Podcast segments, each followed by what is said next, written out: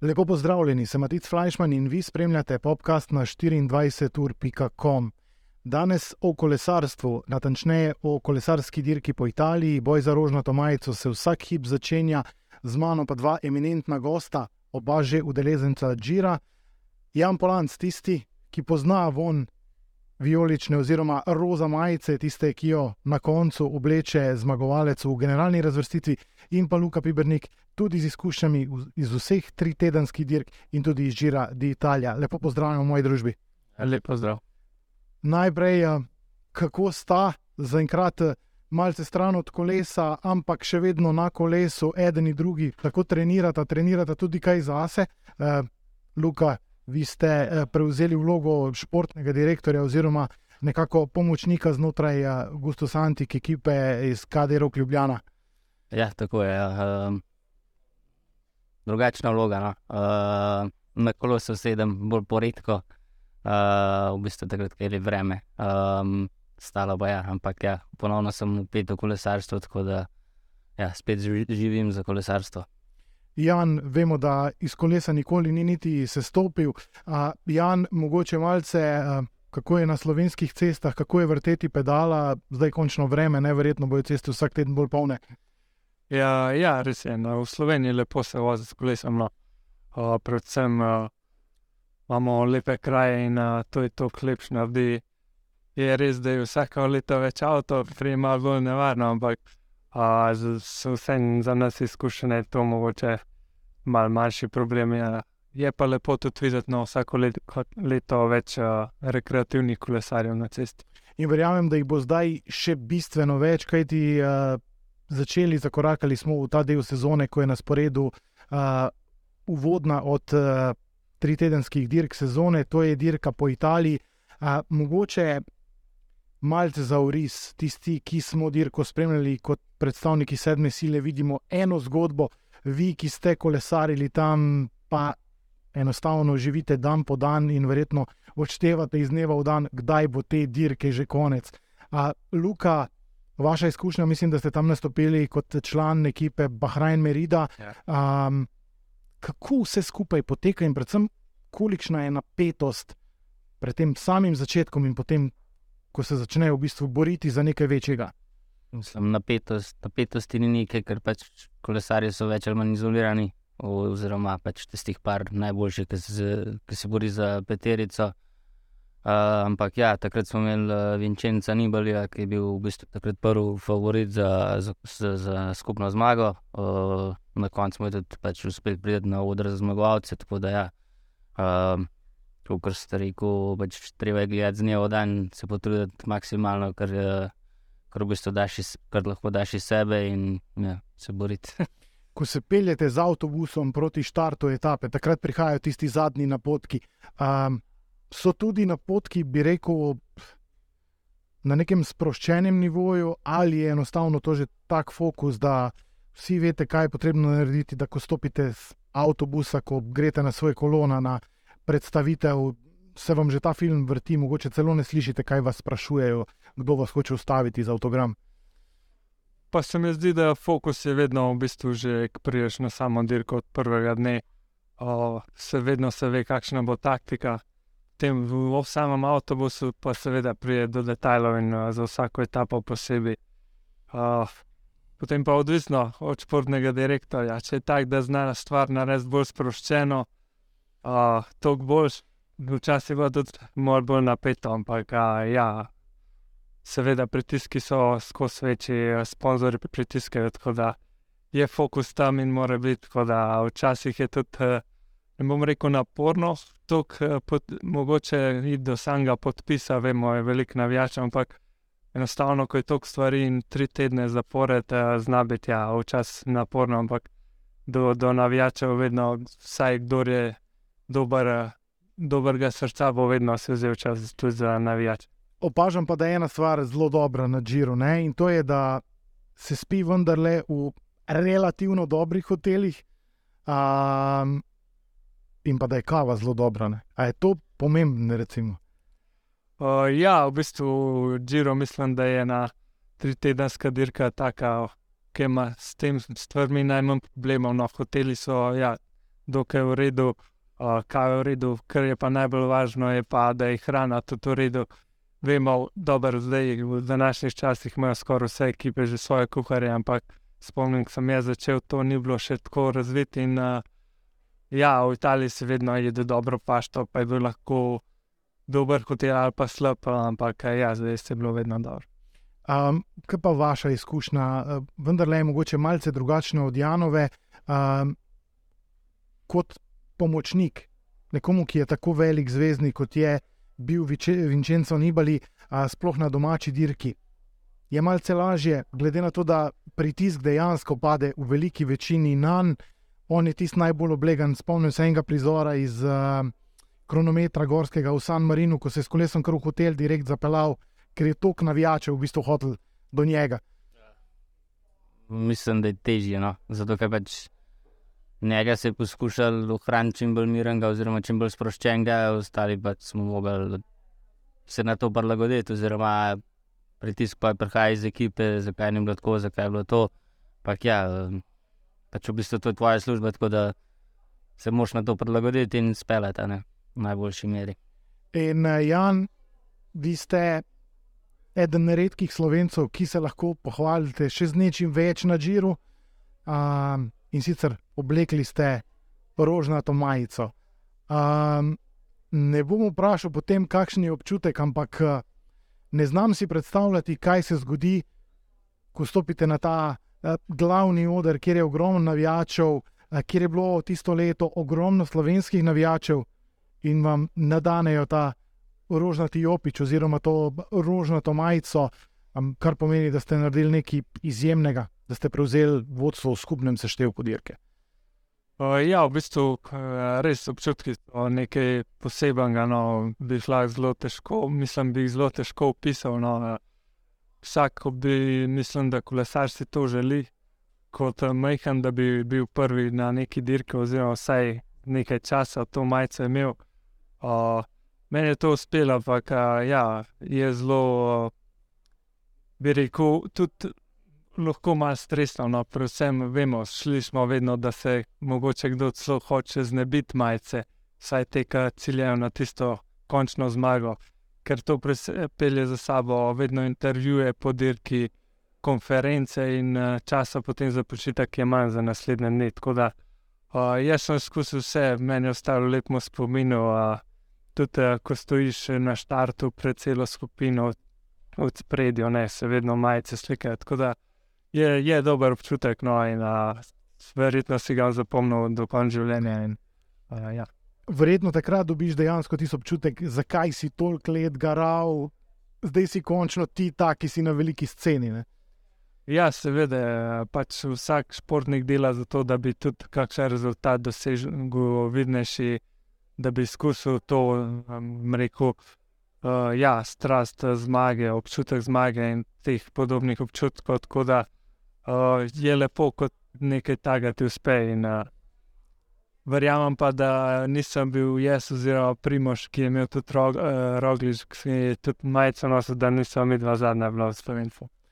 A mogoče samo še to, ko smo pri tej rožnati majici, potem, ko v hotelu slečeš, ne, oziroma ko zaključiš z obveznostmi, je neko olajšanje ali je tista misel, da zjutraj moram spet dati gor, ne, spet bom pod posebno lupo.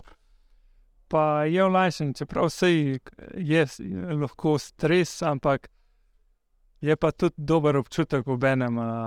Predvsem predvlada na koncu dober občutek tega, da imaš majico, ker na koncu koncu za to dirkamo. Ne, in, ja, v bistvu eni celo mi dajo slike, gor smo videli po socialnih omrežjih, da grejo kar spat z majico. Tako da mislim, da, da jo sleče vsak nerad, tako da bi jo raje obdržal. Um, Luka, pri vas pa je šlo za ta boj za rožnato majico. Um, pa me mogoče zanima, kako se dnevno spreminjajo te obveznosti vseh vas, ki ste garali, zato da bi olajšali Vincenzo Nibalijo delo do nekega končnega zastavljenega cilja. Ja, pač čisto odvisno od etape. če je v bistvu bolj ravninska, pač potem se bo določila taktika, glede na teren, teren ki, kateri, v katerem si najmočnejši. In uh, tako se razporedi delo, oziroma um, v časovnem obdobju, kdaj boš opravljal svoje delo. In, uh, In um, recimo, vemo, ne, veliko je, sploh na tri tedenskih dirkah, odvisno od dnevne forme ali pa ne vem, a se zbudiš super naspan, spočit, pripravljen ali še vedno mogoče malce bolečine od napora prejšnjega dne niso uh, popustile. Uh, kako recimo to takrat izgleda? Ali dejansko vi že na zajtrk rečete vem, športnemu direktorju ali pa nekomu iz ekipe, ti ne vem, če lahko danes oddelam na 100%, to lahko oddelam na 80 odstotkih. Pride do teh debat, verjetno pride. Ne? Uh, ja, seveda pride v bistvu to se vidi že prejšnji dan, kako si zaključuje ta, če si več v bistvu pod- narekovaj pa šel mrtev cilj.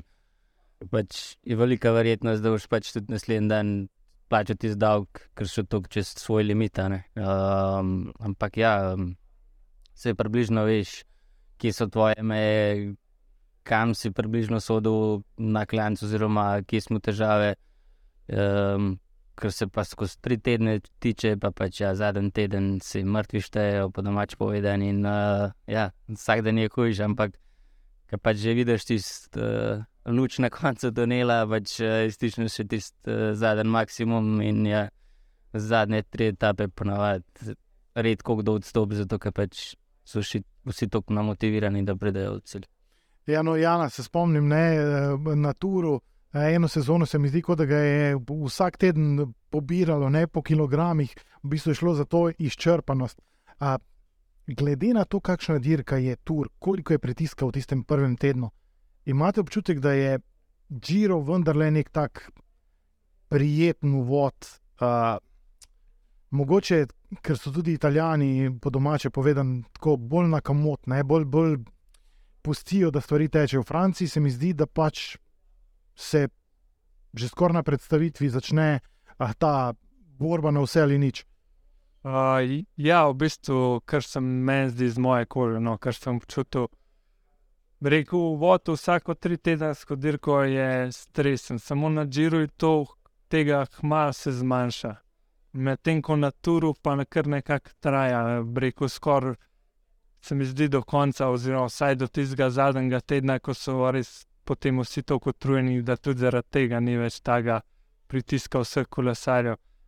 Na Džiru, o, seveda, uvod je vedno stresen, eh, vsi so še znotraj istega časa, in potem, ko se pa ima to reši, je pa vse lažje. Glede na, na turu, pa vemo, ne, je pa uh, reko, norišnica lahko. No. Vi ste bili na vseh treh tritedenskih dirkah, verjetno je Vuelta tista, ko že vsi malce popuščajo, vsaj v glavah, čeprav eni pravijo, da je bolj eh, besedna igra, to je bolj zgodba za medije, tudi tam se dirka na vso moč. Kako pa ste vi recimo občutili Giro, če bi ga primerjali z. Če bi ga nekam umestili med te tri tedenske dirke, bili ste namreč na vseh. Uh, je v bistvu, jaz bom samo tako povedal, da v bistvu kolesarstvo toliko napreduje, oziroma um, vsak let je toliko več medijskega pritiska, oziroma pritiska ekipe, kot kar koli obrnemo, da v bistvu sploh ni več lahke dirke, oziroma tudi Vuelta, za katero je včasih veljalo, da je pač v bistvu deloma ležerna. Ob koncu sezone, ne? Je v bistvu zdaj zelo, zelo težka. ne. In uh, jaz mislim, da z vsakim letom se dvi- dviguje nivo in uh, postaja v bistvu vsaka dirka na nož in na maksimumu. Um, ja, kar se predžira tiče, zelo težko je primerjati te dirke med sabo. Je pa res, da je na Džiru več teh transfernih etap, ampak so pa daljše. ne. Uh, velikrat imaš etape po 220 km, kar na koncu tudi plačaš. a ne. Pa čeprav greš počasi, eh, oziroma je lahka, si na koncu dneva zelo, zelo utrujen. Je sploh lahek dan na Džiru? So. Na Džiru so, ampak um, vedno je pa zadnjih, bom rekel, 50 km. Oziroma, če se cel dan voziš počasi, vsi pridejo um, Skupaj. Prejšnji, oziroma ja, uh, pripravljeni na finale, in je v bistvu tisti finale toliko bolj nervozen, oziroma nevaren. Uh, lahek dan na Džiru se ga spomnite, mogoče, kateri je bil mogoče za vas en tak. In kaj je pomenil za vas lahek dan, ker vemo, ne, prej smo že malce začeli temo taktike, ne, ko si v taktični zamisli športnega direktorja, nekdo, ki mora oddelati takrat, pa tudi če bo počila guma, če se bo prelomil kolona, pa ampak oddelati je treba. Ne. Pa ja, v bistvu so lahki dni, no, v smislu tega, da je verjetno etapa ravna, da ni vetra. In potem, ja, vsi vejo, da bo sprint na koncu tudi beg, gre manjši ven, in vse malo lažje loviti. In, ja, na koncu priješ mogoče malo manj utrujen. Uh, si pa še vedno na koncu 4-5 ur na kolesu, odvisno od kako dolga je etapa.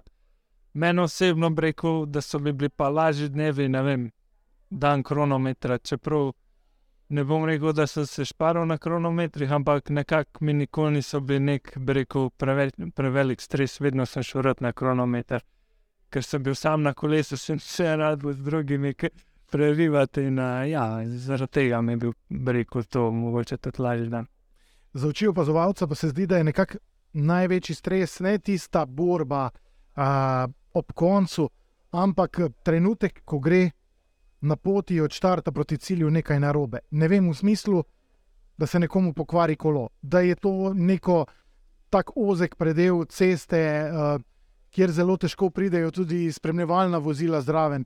Uh, kako recimo kolesar takrat reagira, uh, ali čaka na kolo, ali kaj se mu po glavi roji, ali ne vem, nek dogovor obstaja. Znotraj ekipe, da rečejo, da če tebi crkne kolo, je obvezno, da ti ga ta preda. Ja, ja, to zagotovo obstaja. Pač, če pade kapetan, se ustaviš in mu pomagaš, kot mu le, le lahko.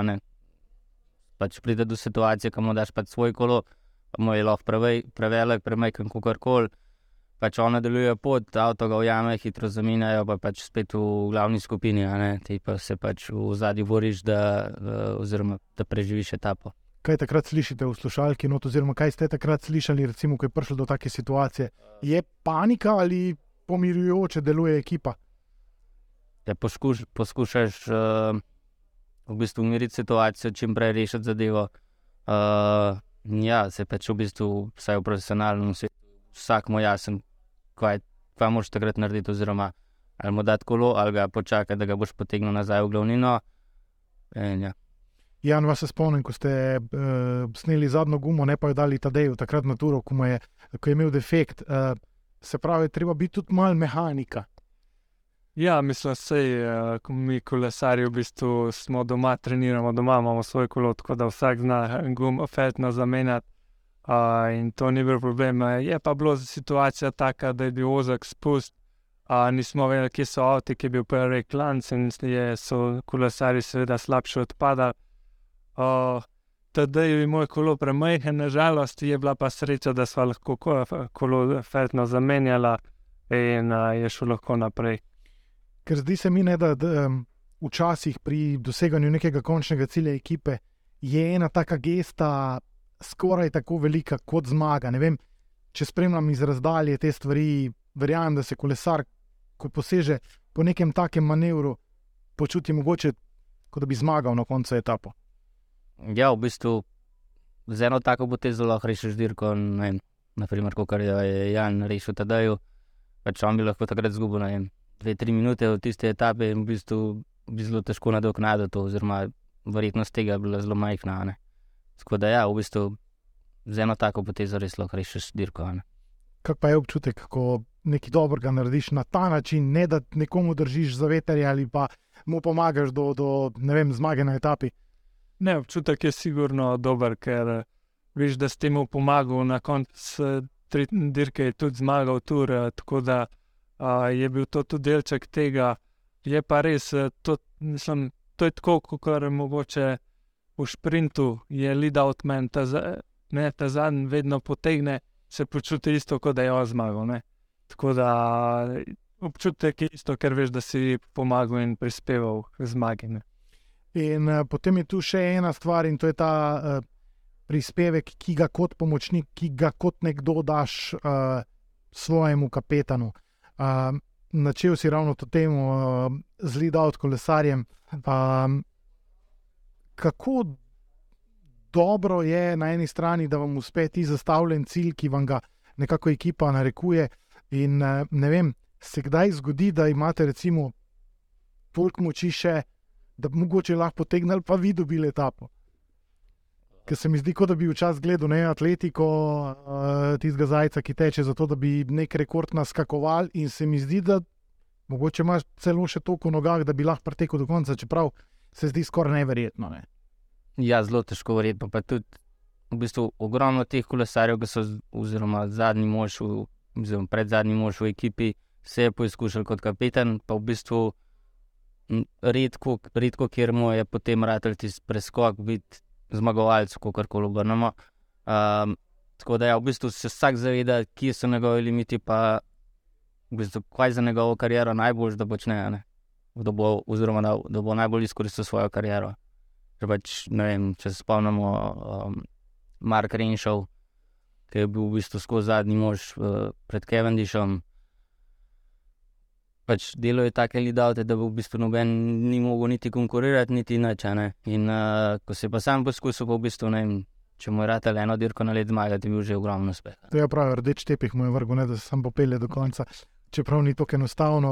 Um, po pride pa recimo še en moment, um, na katerega recimo kolesari nimate vpliva, trudite se, da bi bilo vse optimalno, da nekako spoštujete vse protokole, ki veljajo. S ciljem, da bi dejansko ekipa v tak, takšni zasedbi, kot začne dirko, je tudi končala. Ampak vemo, tu so poškodbe, tu so stvari, na katere nimaš vpliva, v zadnjih letih tudi pozitivni COVID-testi. Um, Jan, spomnim se tistega tura zgodovinskega za Slovenijo, ko je ta dej zmagal. Nihče, verjetno po prvem ali pa po desetih dneh, ni več razmišljal o tem, da bi ta dej dejansko lahko naredil to, kar je naredil glede na to, kako hitro se je zgodilo, takrat mislim, da Aru in še eden od kolesarjev sta odpadla zelo hitro, vsak svojo poškodbo. Koliko je pa recimo takrat ne bom rekel hektike, ampak potrebnega nekega pozitivnega vzvoda znotraj ekipe, ker vemo, ljudje smo naredili tako, na eni so večni optimisti, drugi se zelo hitro, ne vem, udajo v usodo, pač premalo nas je, ne bo šlo do konca. To je ena velika težava, ki je zelo pomembna, verjetno, kako rokuješ z njo. Ne? Uh, ja, seveda, mislim, poškodbe so vedno problem na tri tedenskih dirkah. Uh, in uh, na koncu se je treba tudi taktiko spremeniti, mogoče plan spremeniti, uh, iti bolj obrambno dirko. Jaz vem, ko smo bili stadijem, smo vedeli, smo, da je zelo dober. In tudi se je videl, da sta bila s primoržen. Zelo je zanačen. Mi smo izgubili, mislim, da en dan malo na vetru smo odzadili vse in se je naredila razlika, malo večja. Da, in po te zadnje dni ekipa je bila oslabljena, seveda nismo imeli več toliko moči, da bi lahko prav presenetili Džambo takrat. In na koncu smo planirali, da okay, izgubiti ne smemo nič več, da je mora pa ostati uh, v igri do kronometra. Sedaj, primo je zdaj veljal za enega najboljših kronometristov, tudi zdaj je še vedno. Ne? In uh, smo rekli, da gre na polno, bil je sproščen, kar bo bo. Ta dan je res odpeljal, sem rekel, lahko en najboljši kronometer, s tem, da ga pa primo še imel, pa mogoče malo slabše in tam je prišlo razlike. Uh, sem pa se prepričan, da bi, če bi bil takrat primoš, imel tudi dober dan, bi bilo pa ta razlika mogoče prevelika. Um, kako pa je recimo bilo pri vas, ko ste kovali taktiko za končni uspeh na Džiru.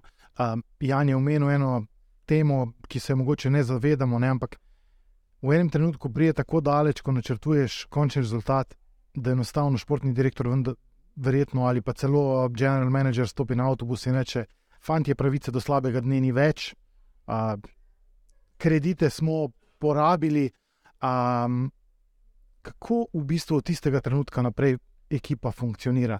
Jo to še bolj poveže, ali jo mogoče to um, deluje lahko tudi neprijetno, pa se kdo udane, tako kot v njihovi zgodbi, ko so odpadali tekmovalci. Mislim, ja, jaz bom rekel, odvisno od človeka. Ne? Vsak uh, drugače sprejme kritiko, oziroma um, se sooča z nekim stresom, ki ga je nekdo naložil. Tako vsak dan v službi. Eden bo to dobro prenesel, eden bo slabši. Zdaj je odvisno, ne, kakšni kateri kolesari so tam, kako so med sabo povezani. Ali bojo oni skupaj stopili, pa pač neki probali tudi med sabo, oziroma skomunicirati, rešiti zadevo. Um, če pa pač nek razdor v ekipi, pa pač to zelo težko tam rešiti, sploh ker je utrujenost visoka in že tako si malo nervozen, utrujen in ja, je že tako teže. In uh, letošnji Džiro bo spet, verjamem, da nekaj posebnega, nekaj izjemnega. Um, ne bo tako množično zastopan uh, slovenskimi kolesarji, uh, bo pa spet slovenec, uh, v mislih imam Primoža Rogliča, tisti, ki napada uh, zmago v skupnem seštevku. Vajem pogled mogoče na letošnji Džiro in na favorite, zdi se mi, da so tri do štiri favoriti, pa še vsaj toliko tekmovalcev, ki bi lahko presenetili. Um, imamo Remka na eni strani, Primoža na drugi. Uh, recimo en Jack Hague se je odločil, da letos ne na tur, ker je imel preveč smole v preteklosti, pa bo tu iskal neko pot do vrhunskega rezultata. Um, Ineos z izjemno ekipo, uh, z Gegenhartom, ki je v preteklosti že zmagal, in potem še tisti tako imenovani underdogi, ki nikoli ne veš, kje presenetijo, kakšna je taktika. Tudi v ekipi UAE je zagotovo eden, če ne dva tekmovalca, ki bi lahko uh, mešala štrene tem najboljšim. Mogoče nek vajen pogled. Ja, v bistvu na papirju Remko pa, pa Roglič odstopata, ampak ja, uh, nekaj dolga tri tedne in toliko enih stvari se dogaja, do toliko enih pacov lahko, lahko pride že v bistvu en slab dan na vetru, pa je v bistvu lahko dirka zaključena tudi za njih dva.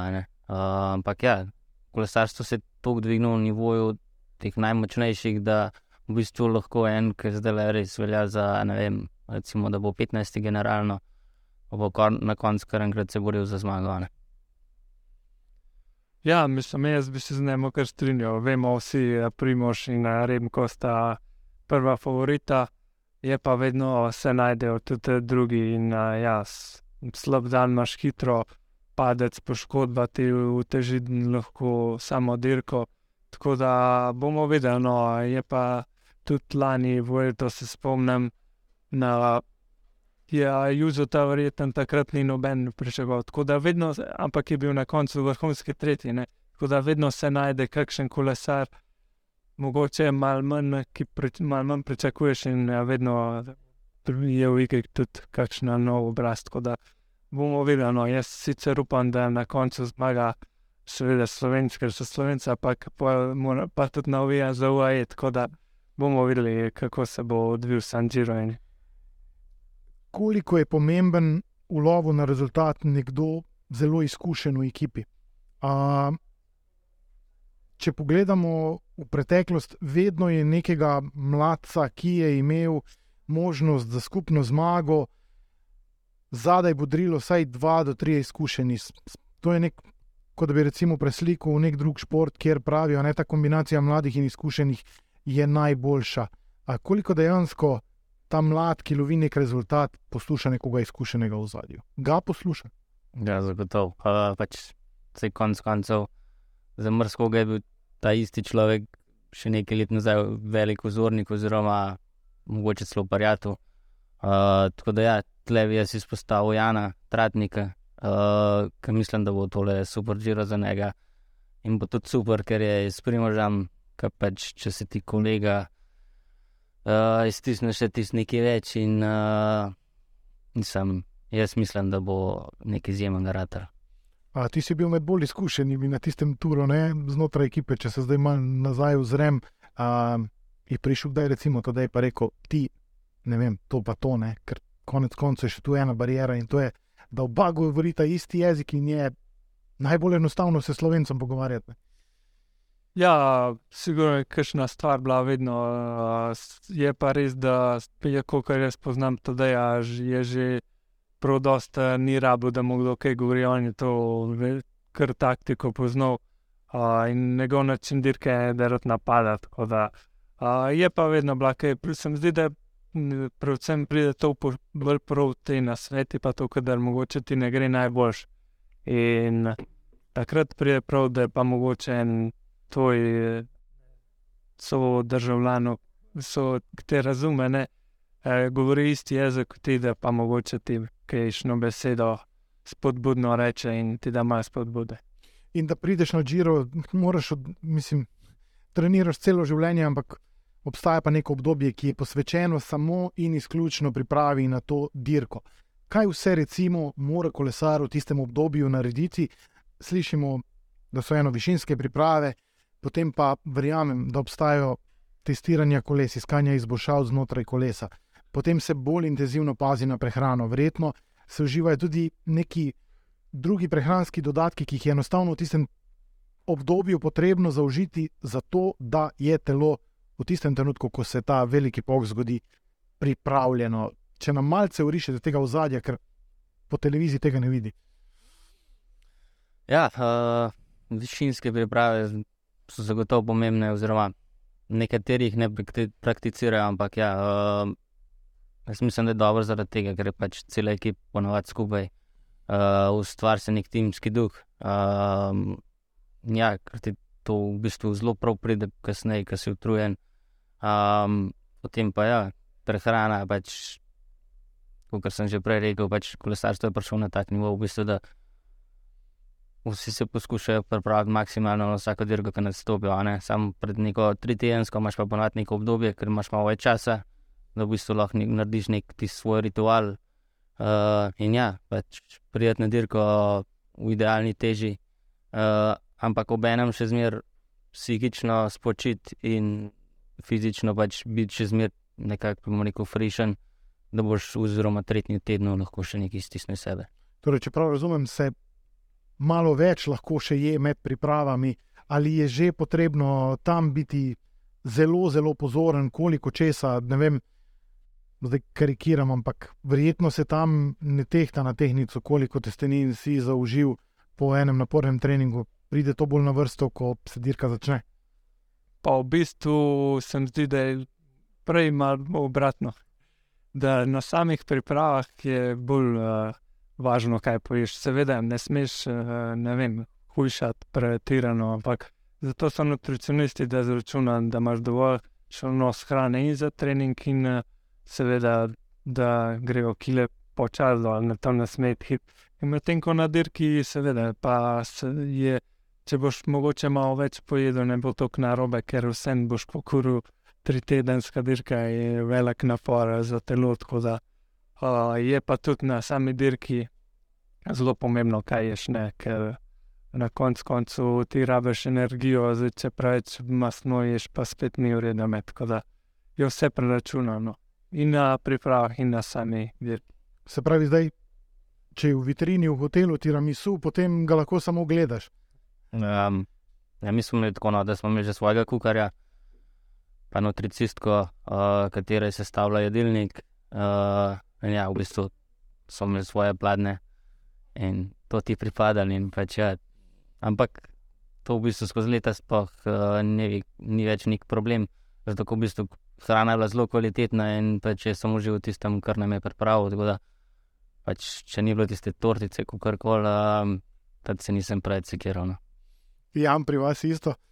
Ja, v bistvu je res vse, ti v bistvu nutricionist pripravlja hrano, tako da ne rabiš skrbeti. Se zdi, da neka sladica je vedno bila, odvisno od etape, je bilo mogoče malo boljša, malo slabša, oziroma bolj rekel, zdrava, samo kakšno sadje. Tako da, ja, je pa meni osebno bilo predvsem zelo lažje, če bi bil nutricionist, ker pa tudi sam nisem rabo razmišljati, kaj je dobro za me, da pojem. S tem se ena stvar manj za razmišljati, na dirki pa to vse prav. Všeč mi je potem, ko pride na tri tedenski dirki, tisti dan premorane. Uh, za nas ga recimo ni, ne, kolesari takrat sem malce od kolesarite, toliko da mišice čisto ne bi zaspale slučajno. Uh, je pa to dan, ko vidimo, da kolesari počnejo marsikaj. Ne. Eni si privoščijo prehrambeno pregreho, burgeri so zelo popularni, blizu zadnja leta, potem eni grejo k frizerju, eni se srečajo z družino, se spomnite teh vaših eh, prostih dni, kako približno so minevali? Ja, v bistvu podobno, kot ste zdaj našteli. Uh, ja, ampak v bistvu takrat je telo v bistvu malo unet. Uh, in če ne greš na kolo boš naslednji dan po domač povedan dvojen. Uh, pač saj jaz osebno sem s tem težave in uh, ja, sem mogel obvezno narediti saj urca pa pol, da pač steno spet zadiha, da se razvrti in uh, ja, naslednji dan naprej. Torej, urca pa pol, ne za navadnega smrtnika je to že kar resna rekreacija za vas, pa toliko, da ste pržgali on tipko na, na telesu. O, Pa ja, v bistvu pač vse to je lažerna vožnja ali to, da se mišice malo uh, razmigajo. In s tem tudi mogoče malo ta mlečna kislina gre stran z rahlo vožnjo. Tako da to vse prije prav, je pa res, da vem, jaz sem bil oboje probal in da sem bil mogoče skoraj noč na kolesu, pa do tega, da sem bil uro pa pol. In pri obeh stvarih sem imel dobro izkušnjo. Da je bilo bolj važno, kaj sem na tisti dan pojedel. Zdaj, če sem pojedel ta prave stvari, drug dan nisem imel problemov. Če sem preveč pojedel, sem bil drug dan, kot bi rekel, malo zapisan in rabaš nekaj časa, da se telo prepuca. No. Tako da, ja, je pa tudi na tretjedelski se zdi meni na koncu prednjeve rani, se razmišljal kolesa. Sploh zadnje leta, mogoče ko sem bil mlajši, sem šel vsega. Tako da, čisto odvisno se zdi od posameznega, vsak se pa sam bo, najbolj pozna. A, mogoče, če gremo proti koncu, ena umetnost je pa definitivno ta fokus, da ga znaš držati tri tedne dirkanja. Kaj vse si v bistvu kot kolesar rečete med temi etapami, pa potem, ko vam pokažejo, kam morate iti, pa kakšen klanc vas čaka, pa nek vratolomni spust, pa ne vem, tisoče teh detajlov, ki, ki a, se zavrtijo skozi tri tedne. Kako ohranjate, ne vem, delate z nekim psihologom v tistem obdobju tudi ali imate, ne vem, meditacijo vmes. Mm, ne, jaz v bistvu vzel sem si vsak dan posebej. Uh, v bistvu šele zjutraj sem pogledal etapo, da nisem že prejšnji dan študiral, vse v bistvu malo že veš, ne, ampak tiste detajle. Uh, ja, čim dlje biti, čim dlje sproščen, da, v bistvu, da, manj, da sem si čim manj stresa vnašal v telo, še pred štartom. Ampak ja, potem pa v bistvu že vse klance približen poznaš in ja, veš, kaj te čaka, in ja, bori se in uh, čakaš, da čim prej konc. In čakate tudi lahko informacije na štartu, ne da je ta pa skrajšana, zaradi tega, ker je tam še sneg, pa tam ni cesta očiščena in na džiru. Je to v preteklosti bila že kar praksa, kul pa recimo to spremeni nekaj v zadnjem trenutku, ker organizator vendarle do zadnjega upa, da bo vse po planu, tako kot je postavil v roadbook. Ja, v bistvu mislim, spremeni se mogoče eh, lahko tudi taktika, odvisno kol- koliko so spremenili etapo, vedno so krajše, so mogoče potem malo bolj napolno dirka v štarta. Tako da se spremeni, jaz se jih spomnim, zdaj ko ste omenili eh, sneg na Džiru, da je bila takrat etapa na Stelviju je bil in čez pa mislim, da je bil še en zelo velik, eh, znam prelast. In je bilo takrat, še ni bilo tega, bi rekel, weather protokol, ne extreme weather protokol, zato še ni bilo znan. In so se kolesari v bistvu v skupini sami dogovarjali, da gremo počasi in pač ne moramo iti čez prelaz, ker sne, sneg je padal na, na polno, ne v bistvu. In smo šli vsi počasi, ko so odprli, se pravi, štartali dirko, gremo vsi, ali še, potem pa en kolesar skoči. In če je skočil Adam, s- je se dirka zunela in smo mogli dirkati. Je bilo pa, jaz se spomnim, takrat na vrhu so se kolesarji ustavljali, zato so se napravljali, ker je bilo to bilo res nekaj. Jaz spomnim, da sem se dvakrat ustavil, da se zdaj sploh učala spucal, ker nisem več nič videl. Takrat mislim, da je bila lik dilema, ker je imel ran majico. In mislim, da je pol Quintana nekaj napadel, ki bi mogel ustaviti dirko. In ja, pol so kar pustili, da je dirkal Quintana naprej in takrat je tudi Žiro zmagal. In um, prej zaključimo, še neka anekdota, ki vam je najbolj ostala v spominu iz Džira. Džiro se začenja. Um, veliko smo slišali o tem, vsem, kar se dogaja. Uh, kaj pa nekaj, kar vam je najbolj ostalo v spominu te dirke? Meni osebno, dan, ko sem umrl za majico, res je bila tudi taktična stvar. Rekel, da se, jaz sem imel nekaj minut zaostanka, ker je bil pa moj klubski kolega, imel pa majico. Ne. In smo jih taktizirali, probaj Jan ti tu beg, pa bomo mi pa tako naredili, kot da vlečemo, da čim več prednost narediš. In da pa probaj, če bi rekel, drugi proč, ne pa ti vleč pa majco. In res meni je takrat lika na ta leto beg. In se poj tudi uh, na koncu uh, vse, tudi več me energije da v begu, zato da smo prišli uh, s čim več prednostjo. In, uh, ja, to je meni najbolj, verjetno mi bo to zavedno pač ostalo in danes spomin. Luka. Moje zvon bo rekel prihod v cilj. Uh, takrat je bil uh, zadnji dan kronometer in ja, uh, v bistvu je bil že za me konc en dan prej, tako da je bil cel dan sproščen in uh, sem užival v tistem finalnem dnevu, uh, in ja, potem si občutki, uh, pač ja, končal sem tudi žiro, tako da je bilo super. Izkušnji in anegdot za naslednje rodove imata veliko, in seveda verjamem, da bosta v prihodnje tudi ogromno oba še dala kolesarstvo. Hvala, ker sta bila gosta današnjega podcasta. Hvala vam. Tako malce smo orisali kaj se dogaja v spredju in kaj je v zadju kolesarske dirke po Italiji, ki bo tudi v letošnji sezoni imela verjetno da izjemno slovensko noto. Kakšno in v kolikšni meri bodo slovenci preplavili uh, prizorišče dirke, pa bo seveda najverjetneje znova močno odvisno od vidnosti rezultata najboljših na cesti. Verjamemo, da bo tam tudi Primoš Roglič, povsem v spredju, seveda, kajti kot je sam dejal pred začetkom dirke, je njegov cilj zmagati Giro. Hvala za pozornost v podkastu in seveda nasvidenje do prihodnič. Thank you.